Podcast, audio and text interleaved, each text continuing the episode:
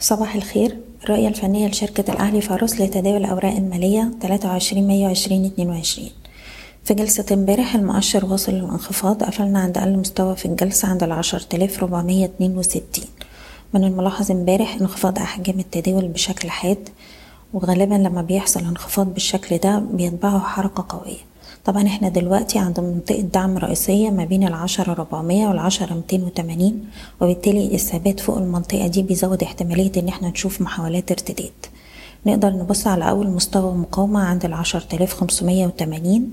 اختراق المستوى ده الأعلى هتبقى أول إشارة إيجابية على المدى القريب ويبقى معنى كده إن إحنا ممكن نواصل الارتداد لغاية مستويات العشرة سبعمية والعشرة آلاف وتسعمية. بالنسبة للسي اي بي عندنا منطقة دعم ما بين ال 40 جنيه وال 39 ونص وبنركز على مستوى المقاومة عند ال 42 80 المطورون العرب السهم دلوقتي بقى عنده دعم هام عند السبعة وتلاتين ونص بنحتفظ طول ما إحنا أعلى المستوى ده وشايفينه بيستهدف مستويات الاتنين وأربعين والخمسة وأربعين قرش. إتيليس السهم عنده دعم هام عند التلاتة جنيه تمانية وأربعين. الثبات فوق المنطقة دي بيزود احتمالية إن إحنا نشوف ارتداد ويبقى عندنا مقاومة عند التلاتة ستين اختراقها بيستهدف تلاتة جنيه سبعة وسبعين.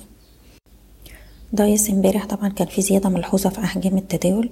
إحنا عندنا دلوقتي منطقة دعم هامة ما بين الستة وخمسين قرش والسبعة وخمسين قرش وعندنا targets عند التلاتة وستين والتمانية وستين قرش. المصريين للإسكان من الأسهم اللي كان فيها volume عالي امبارح إحنا بنركز دلوقتي على مستوى المقاومة عند الخمسة وتلاتين قرش. تأكيد اختراق المستوى ده الأعلى هنستهدف مستويات التسعة وتلاتين والأربعة وأربعين.